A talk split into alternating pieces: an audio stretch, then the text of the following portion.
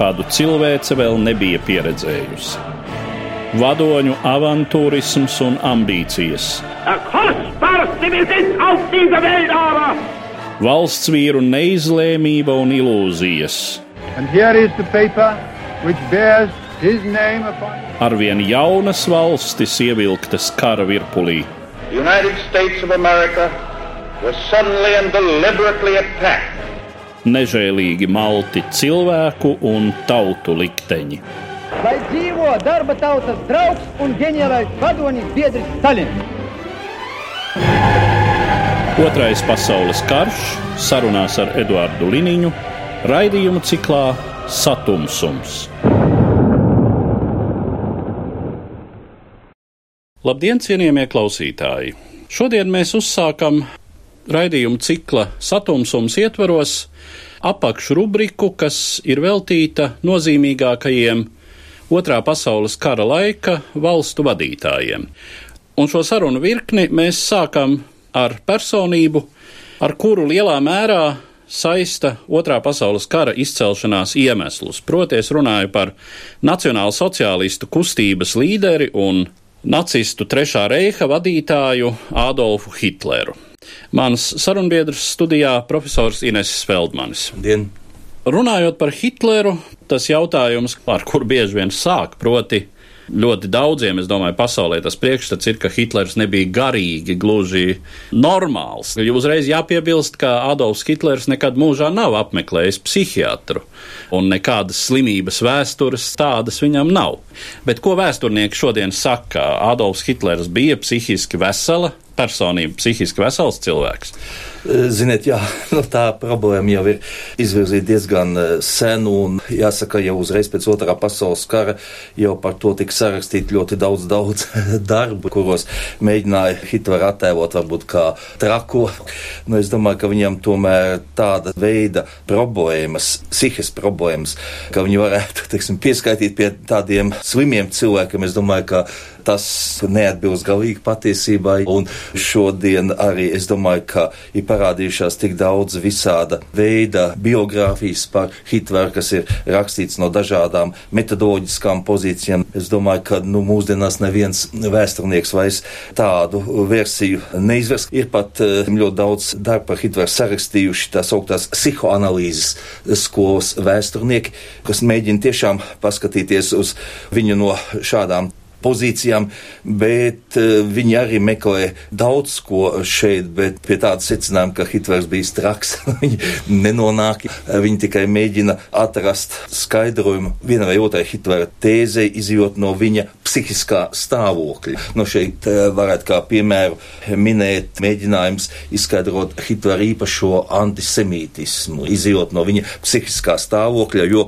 lūk, viņš ļoti dziļi mīlējis savu māti Klāru un viņa māte mira no krūts vēža, un viņu ārstēja ebreju ārsts Bloks. Un līdz ar to viena tā versija ir, ka Hitlers ir uzskatījis, ka māte nav pietiekami labi ārstēta, ja, un līdz ar to šis ebreju ārsts ir vainīgs par viņas nāvi. Ir pilnīgi pretēja versija, kas uzskata, ka Hitlers tieši otrādi visu dzīvi ļūties pateicību parādā šim ebreju ārstam, un tad, kad 38. gadā Austrija tika pievienot Vācijai, nodrošināja, lai šis ebreju ārsts varētu izbraukt uz Amerikas Savienotām valstīm. Tā kā vienota viedokļa nav, un es tā domāju, ka teikt, ka Hitlers pieņem tos savus lēmumus, būdams psihiski nelīdzsvarots cilvēks, es domāju, ka tas ir stipri, stipri pārspīlēts. Tā kā domāju, ka vēsturniekiem ir jāmēģina meklēt daudz, daudz tādu racionālāku izskaidrojumu Hitlera darbībai. Neskaitām pētījumu, kas analizē vispār Hitlera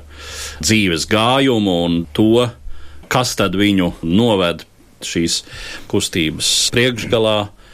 Paskatoties atpakaļ Hitlera biogrāfijā, kur varbūt jūsuprāt ir saskatām tie iemesli, kas viņu noved 20. gadu sākumā nacistu kustības priekšgalā. Jā, šeit jau arī tas jautājums ir ļoti strīdīgs. Vēstures literatūrā ļoti strīdīgi, kontroversāli tiek risināts šis jautājums. Agrāk, piemēram, bija tāda vēsturnieki izvirzītā teize, ka nav zināms, ko Hitlers lasīja savā jaunībā, kādas satura grāmatas un tā tālāk, un eh, kāpēc viņš pie tādiem uzskatiem nonāca. Nu, šodien ir pilnīgi skaidrs, ko Hitlers lasīja, jo Hitleram bija vesels trīs bibliotekas. Viena biblioteka atradās Reiskancelējā, otra atradās Berhofā, kur viņa rezidents bija, trešā vēl atradās Minhenē. Šīs grāmatas eh, lielākoties tagad atrodas Amerikas Savienotās valstīs, un ir zināms, kādu literatūru viņš ir iepazinies, un tagad ir viens tāds secinājums, ka viņš ļoti daudz ir interesējies par ezotēriku un uh, daudziem citiem šādiem jautājumiem, bet, uh, ja iet tālāk un mēģina atvasināt noteikts viņa uzskatu pamatēzes, no kurienes viņš par tām guvis tādu informāciju. Nu, mēs zinām, ka, ja runājam par Hitleru, tad jau te ir tās trīs viņa uzskata pamatējas. Pirmā pamatējas, ko viņš atzīst, tas ir sociāldarniskais priekšstats par sabiedrību, ka notiek cīņu uzvar stiprākais. Otrais ir tā, ka ir katrai tautai, ir tādai tautai, kas attīstās, kas ir dinamiska, kur ir liela dzimstība, ka tai tautai vienmēr jācīnās par savu dzīves telpu, un trešais ir šis jau mans minētais antisemītisms, un tad jau ļoti bieži Hitlera pētnieki nonāk pie tāda secinājumu, ka vismaz attiecībā par antisemītismu viņš ļoti daudz iespaidojies tā laika Austrijā. Nu, viņam ir tas augstais vīnas periods no 1908. līdz 1913. gadam, ka šajā laikā viņš ir lasījis ļoti, ļoti daudz antisemītiska rakstura literatūru, ja, jo toreiz Vīnē antisemītisms bija izplatīts, un ka viņš caur šo presi, caur šo literatūru arī pie saviem tādiem antisemītiskiem uzskatiem ir eh, nonācis. Šī literatūra tiešām bija ļoti, ļoti bagāta. Nu, mēs zinām, ka 19. gadsimts ir to slavens, 19. gadsimta beigas, 20. gadsimta sākumu, ka tajā laikā rodās visi lielie ideoloģiskie strāvojumi visādas idejas tiek izvirzītas, tā skaitā arī par antisemītismu. Nu, šeit kaut vai Hughes un Chamberlain darbi. Varbūt Hitlers ar viņiem nav iepazinies tiešā variantā, bet caur austriešu presi tā pastarpināta. Un uh, Hitlera uzskats jau veido varbūt arī tā realitāti. Nu, mēs zinām, ka Vācija šo Pirmo pasaules karu zaudēja. Vācija bija uzspiest vāciešu prāt ļoti netaisnīgs miera līgums. Un šī situācija tad, kad visa vācu sabiedrība arī kritizē šo Versaļas mieru, nu, bija ļoti izdevīga radikālu uzskatu veidošanai. Un arī es domāju, ka šī pati situācija daudz pie kā noveda, jo ir tāds Hitlera līdzgaitnieks, viņš kādreiz vadīja tās augtās triecienvienības, Ernsts Trēms, kuru vēlāk Hitlers pats pavēlēja nošaut 30. gadā. Viņam pieder tāds ļoti labs izteiciens, ka Hitlers ir Versaļas miera līguma ārvalības bērns. Ja? Nu, tā kā restīvi tā visa situācija arī veicināja šādu uzskatu radikalizēšanos, radikālu uzskatu meklēšanu un izvirzīšanu, nu, kāda bija Vācijā pēc Pirmā pasaules kara. Tas laikam tiešām ir jāuzsver pirmām kārtām runājot par šo radikālo antisemītismu, kā pie tādiem uzskatiem pagājušā gadsimta sākumā, pagājušā gadsimta pirmajā pusē Eiropā bija daudz vieglāk tikt nekā šodien.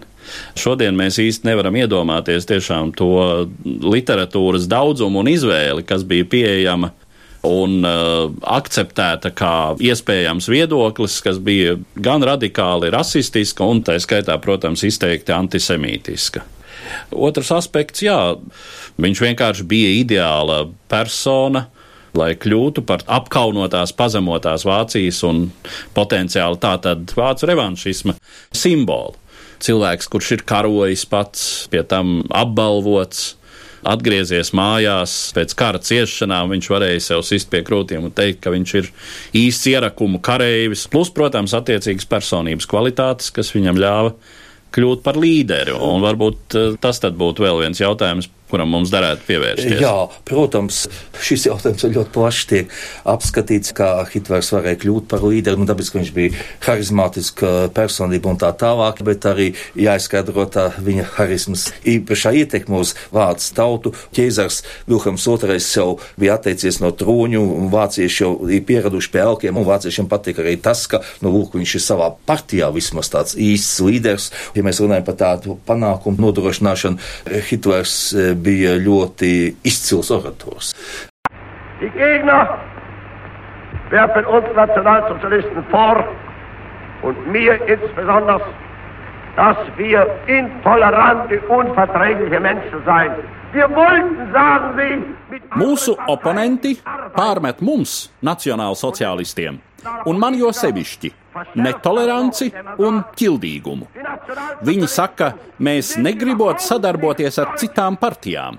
Viņi saka, nacionālsociālisti vispār nesot vāciski, jo negribot sastrādāt ar citām partijām. Un tad tipiski vāciski būtu turēt valstī 30 partijas? Man jāatzīst, gan šiem kungiem ir liela daļa taisnības. Mēs esam netoleranti. Es sev esmu izvirzījis vienu mērķi - izmēst šīs 30 politiskās partijas no Vācijas. No Hitlera runas nacistu priekšvēlēšanu kampaņas laikā 1932. gadā. Vēstnieki bieži vien izvirz tādu ļoti interesantu, man liekas, jautājumu, arī filozofi izvirz jautājumu. Hitlers jau tomēr ir tāds, varētu teikt, ārēji necila personība. Viņš jau nebija nekāds muskuļots atlēts. Hitlers arī nebija garģēnis. Kā šāds cilvēks varēja tādu ietekmi tomēr vācu tautā iegūt? Un eh, šeit nu lielākoties vēstnieki atbild ir tas, ka viņš mācīja runāt mazā cilvēku valodā visiem saprotamā valodā, un ka viņš bija pūļa cilvēks, un viņi visu stīp par savēju. Un uh, vēl, ja vēstnieki iet dziļāk, tad meklē tās veiksmas cēloņus viņam kā propagandistam un tā tālāk. Un pat šādus cēloņus atrod viņa uzvārdā jo uzskata, ka viņa uzvārds vācu ausīm ir bijis ļoti tīkams. Hitlers tomēr jau laikam bija tāds iedzimts politiķis, viņš jau ļoti labi saprata, kas ir jādara, kādi attiecīgā momentā lēmumi ir jāpieņem, un eh, viņš arī ļoti prātīgi visus šos jautājumus apsvēra un arī šeit ir daudzi tādi momenti, kas viņam nāca par labu, bet kas arī ir tā it kā izrietoši no viņa rakstura. Vienu piemēru. 1923. gada eh, novembrī, kad notiek Minhenes saules pučs neveiksmīgais, Hitlera jeb naciskā kustība cieši šajā pučā neveiksmi, bet puča īstenošanā piedalījās ne jau tikai Hitlers, tur piedalījās ļoti daudz, tā skaitā arī pazīstamais vācu ģenerālis Eriks Ludendorfs, bet Hitlers tiesā ka viņu tiesāja par šo pret Veimāras republikas vērsto tādu soli, tiesā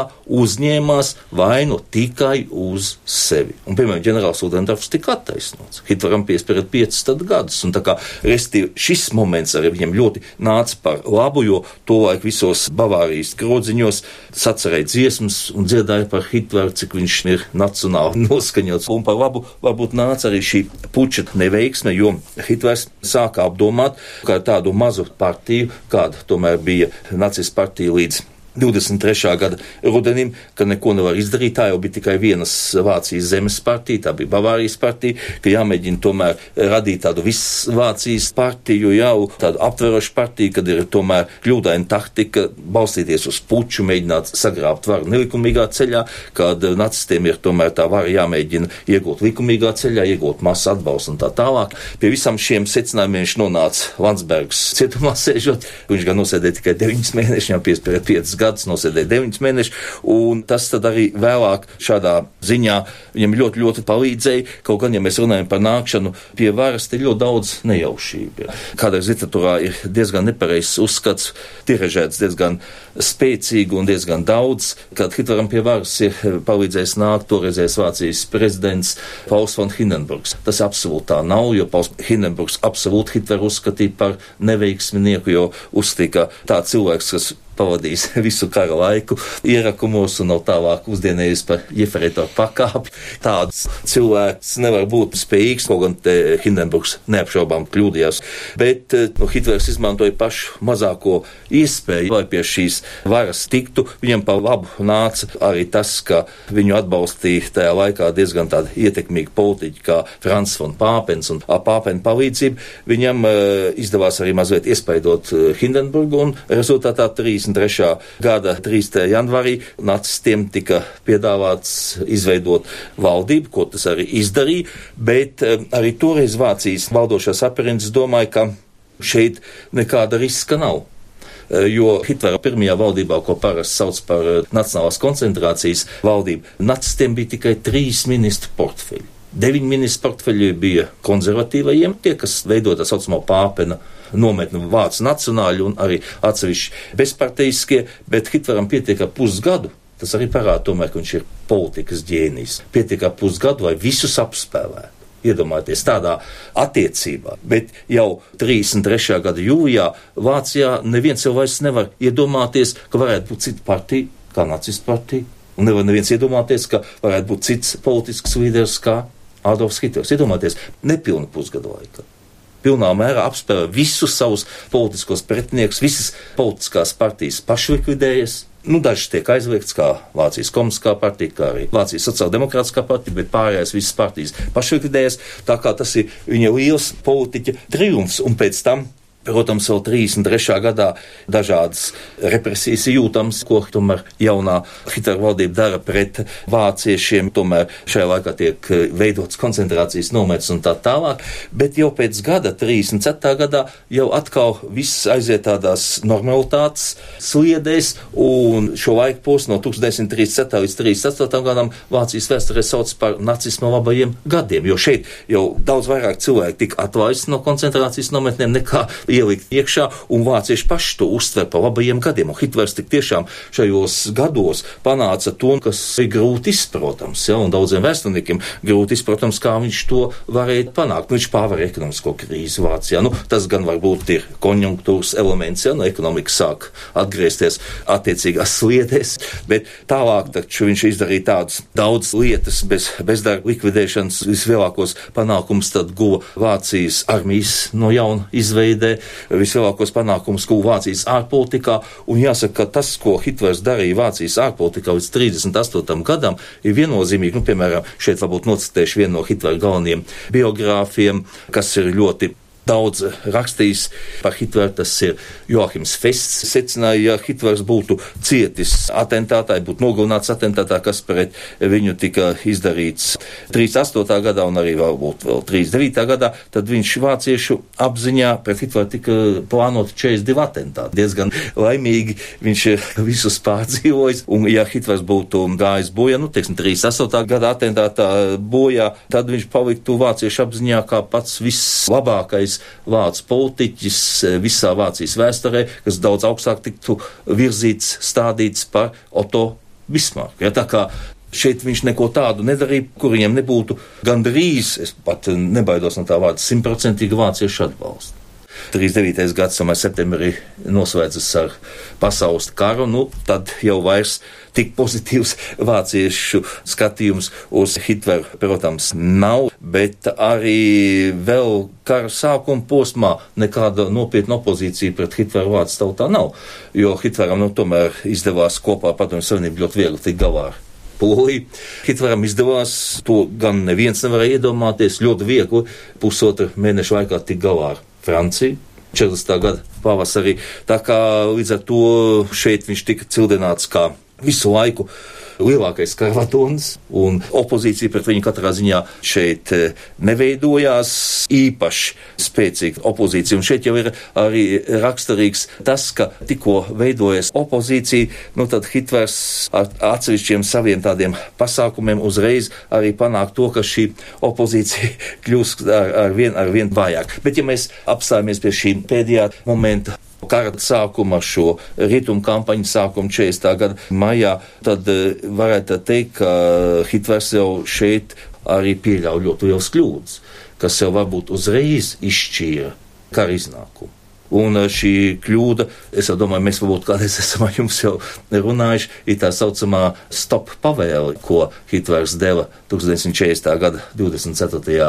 maijā, kas apturēja Vācu tanku vienības. Priekšējās tanku vienības atradās tikai 20 km attālumā no Denkerks, tas ir pēdējās ostas, caur kur vēl varēja evakuēties uh, Britu karaspēks. Un Britiem arī tas izdevās, tā saucamā operācija Dinamo ko viņi savukārt uzskata par vienu no savām visspīdošākām veiktām operācijām un e, praktiski izglāba angļu spēkus, kas cīnījās Francijas pusē, un tie bija ļoti būtiski spēki, jo šajā operācijas namo īstenošanas gaitā uz Lielbritāniju tika pārvesti vairāk kā 300 tūkstoši karavīru. Un tie visi nebija britu karavīri, tur bija britu, franču un beļģu karavīri. Un eh, vēsturniekiem ir viennozīmīgs šajā gadījumā secinājums, ka ja tas nebūtu izdevies Britiem, tad Britiem nekas cits neatliktu, kā piekrist Hitlera piedāvājumam, ko viņš arī izteica 40. gada jūlijā, parakstīt mieru līgumu.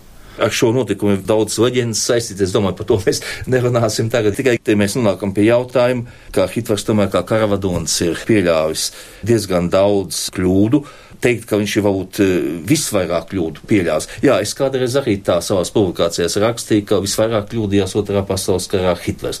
Bet pēc tam es tā padomāju, nu, lasot, protams, attiecīgus kursus universitātes studentiem, visu to literatūru, padomāju, ka acīm redzot, tomēr te vēl ir jāšaubās par to, kas kļūdījās vairāk otrā pasaules karā - Karavadons, Hitlers vai Staļins. Jo Staļina kļūdas bija tik tomēr nozīmīgas, ka pirmajos piecos mēnešos tika pazaudēta visa kad katru armiju. Nu, Hitleram tik briesmīgas kļūdas, laikam, otrā pasaules kara gaitā. Viņš nepieļāva, bet nu kaut gan ļoti, ļoti daudz viņš tās kļūdas pieļāva, pa vienu to kļūdu, jo mēs runājam sakarā šo stopu pavēlu, un e, faktiski šeit jau varētu teikt, ka tas moments, kāpēc viņš tādas kļūdas pieļāva, šeit jau arī ir savs subjektīvais pamats, subjektīvais iemesls, un šeit ir meklējams arī saknes pašā Hitlera personībā, jo mēs jau šeit runājam par šiem neaptveramiem nacistu panākumiem, kaut vai ārpolitikas, militārās politikas sfērā, kas notiek 30. gados, un visi šie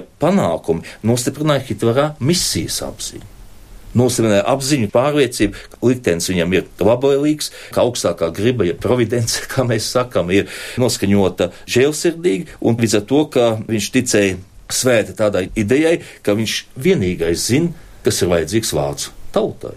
Un līdz ar to, ka vienīgais viņš ir aicināts Vāciju, Vācijas tautu padarīt par lielu un diženu, ka vienīgais viņš var izveidot tā saucamo Lielģermāņu impēriju. Was ist unser heutiges Deutschland? Nicht wieder schön und herrlich.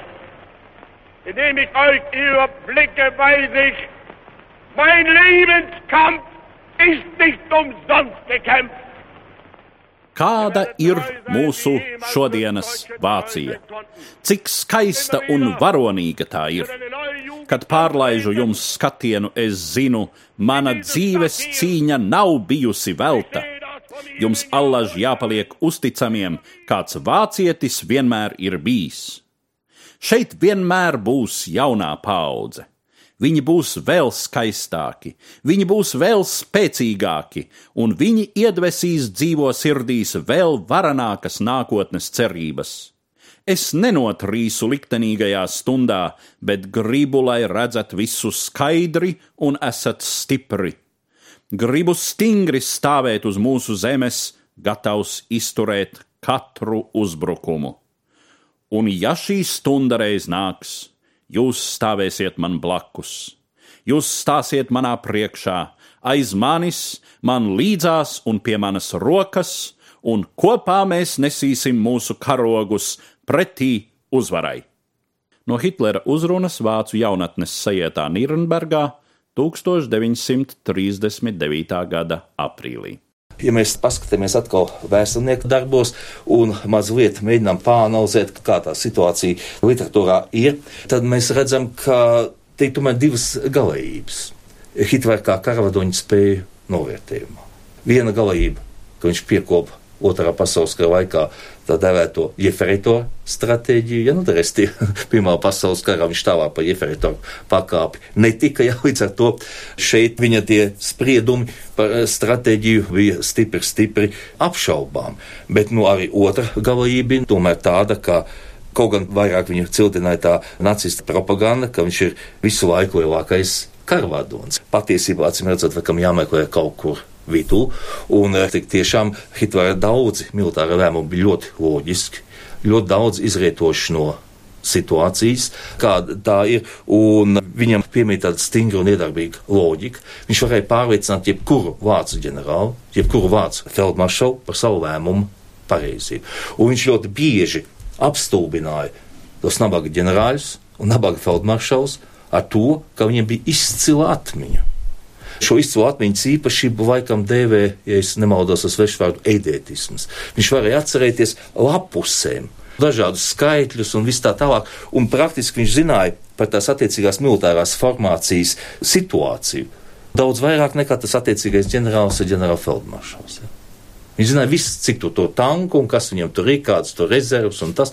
Tā, tas tā apstulbināja tos vācu ģenerāļus un ģenerāla feldmaršals, ka viņi nevarēja neko iebilst. Un, ja Vācijas ģenerāla feldmaršals tā bieži vien raksta arī Hitlera biogrāfi, gāja iekšā Hitlera kabinetā ar domu, ka es pierādīšu savu taisnību, ka Hitleram nav taisnība, tad viņš iznāca ārā nokārtu galvu un piekrits Hitlera priekšlikumu. Nu, tā arī tāda varbūt suģestija, es nezinu kas, bet tāda tā bija. Nu, nelaime bija tā, ka Hitlers centās jau iet visos tajos militāros jautājumos ļoti sīk iekšā, jo kara beigu posmā viņš pat mēģināja jau komandēt komandēt divīziju. Mēģināt pateikt, kas ir vajadzīgs tādai un tādai divīzijai darīt. No nu, tas dabiski, ka nebija viņa uzdevums. Tas jau robežojās no grūti izskaidrojamām lietām, bet ļoti daudz jau tie Hitlera lēmumi bija visai, visai pareizi. Tas populārais viedoklis par Hitleru, ar ko mēs lielā mērā sākām mūsu sarunu, kā galveno otrā pasaules kara izraisītāju, kurinātāju un attiecīgi vainīgo. Kā to varētu komentēt?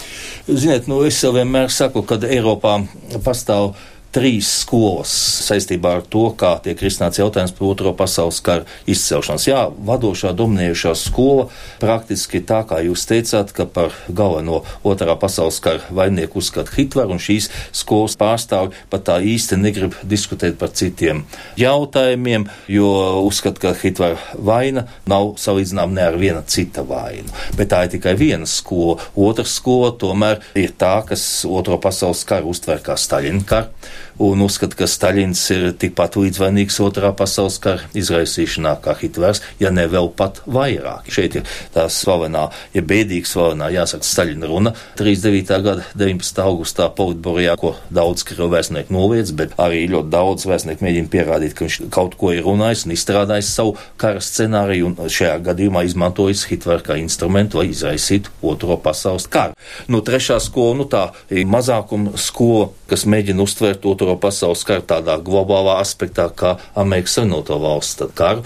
Uzskata, ka Amerikas un tās valstis jau tajā laikā bija kļuvuši par superlielvalsti un kā superlielvalsts viņa izaicināja, izaicināja nu, pirmām kārtām Japānu. Kaut gan e, šeit runājot par Eiropu, protams, Amerika jau tik tieši netiek vainot, bet e, ja mēs e, palasam arī dažs avots, tie, protams, ļoti subjektīvi un vienvirsiena avots, kaut vai nu, bijušā Vācijas ārlietu ministra Joachim von Ribbentropa atmiņas, tad šeit jau ļoti daudz tiek runāts par uh, Roosevelt Amerikas vainu arī Eiropas konflikta uzkurināšanai.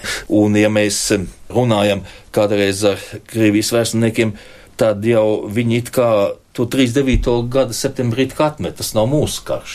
Es domāju, ka pašreiz jau ļoti mēģina parādīt, ka Molto-Ribbentrop pakts ir tikai tāds nevērtīgs papīriņš, kas nepie kā nav novēc, un tas, protams, ir smieklīgi, bet eh, viņi par savu karu jau bieži vien uztver tikai to karu, kas sākās 41. gada jūnijā. Bet arī, ja mēs runājam par šo karu, nu, tad es jau vēlreiz saku, ka ļoti daudz mūsdienu krievu vēstnieku jau tomēr arī izvirs to jautājumu. Tas ir ļoti būtiski politisks jautājums, kurš tomēr ir galvenais vaininieks padomju vācu karā.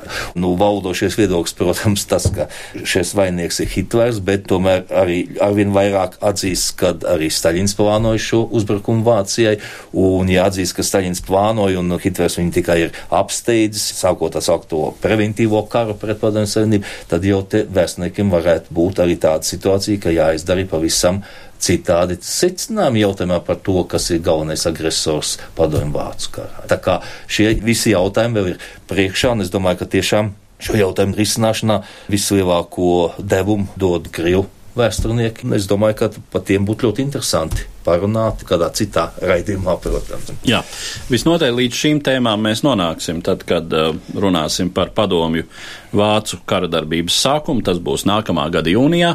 Bet uh, šodien mēs noslēdzam mūsu sarunu, kas bija veltīta nacistu reiha vadonim Adolfam Hitleram, kā vienam no redzamākajiem otrā pasaules kara līderiem. Un par šo sarunu es saku paldies manam sarunas biedram, profesoram Inesim Feldmanim.